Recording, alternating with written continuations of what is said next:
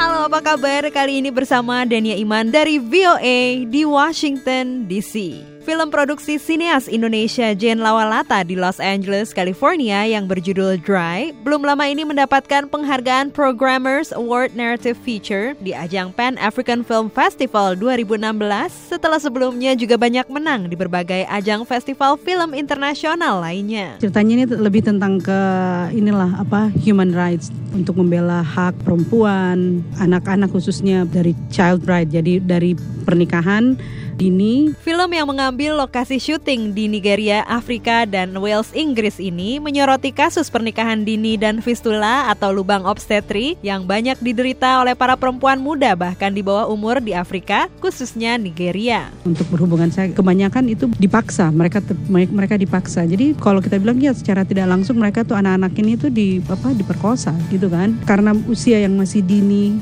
dan belum saatnya untuk melakukan hubungan seks itulah yang menyebabkan ada yang sobek di bagian or- organ itu Faktor kemiskinan juga minimnya pendidikan bagi para penduduk menengah ke bawah yang hidup di perkampungan Afrika, menurut Jane juga menjadi pemicu kurangnya pemahaman mengenai kondisi fistula tersebut. Bukan hanya itu saja, kebanyakan dari mereka tidak memiliki akses berobat ke rumah sakit. orang tua pun nggak nggak tahu bahwa fistula itu bisa apa bisa diobati bisa di, disembuhkan jadi korbannya sampai sekarang masih terhitung banyak gitu loh. Pada akhirnya, kondisi fistula ini menimbulkan isu sosial di mana para perempuan yang menderita penyakit tersebut tidak dioperasi melainkan dikucilkan atau bahkan dibuang oleh keluarga dan suami. intinya juga itu adalah pendidikan. Kita mau juga anak-anak muda itu diberi eh, pendidikan. Kalau menurut filmnya ini eh, di Afrika itu kan culture eh, penduduk menengah ke bawah itu mereka kadang nggak punya pendidikan gitu loh jadi eh, selain untuk hak-hak asasi perempuan juga untuk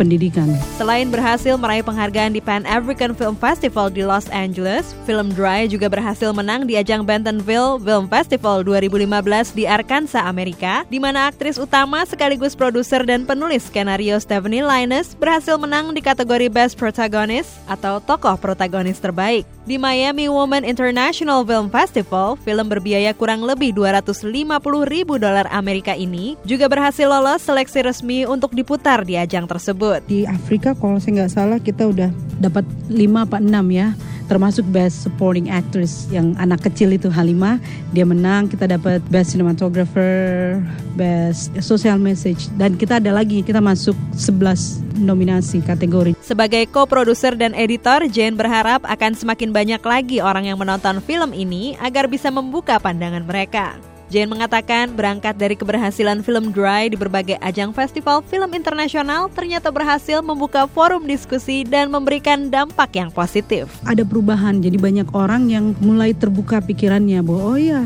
ini kita harus selama ini nggak pernah ada film yang ngomongin tentang itu nah jadi itu dibiarin aja kejadian itu ya, apa kejadian ini tuh selama ini hanya dibiarin aja gitu. Nah film ini membuat orang terbuka mulai berpikir bahwa oh nggak boleh kita harus kasih kesempatan buat anak-anak ini nggak boleh dia mereka nggak boleh kawin muda itu kita harus biarkan anak-anak ini bertumbuh Stephanie Linus sendiri juga pernah diundang untuk berbicara di depan pemerintah Nigeria untuk menyuarakan pendapatnya tentang kekerasan dan juga pernikahan dini. Saat ini film Dry tengah diputar di beberapa negara di Afrika dan Jane berharap film ini juga bisa diputar kelak di Indonesia. Dania Iman melaporkan dari VOA di Washington, D.C. VOA.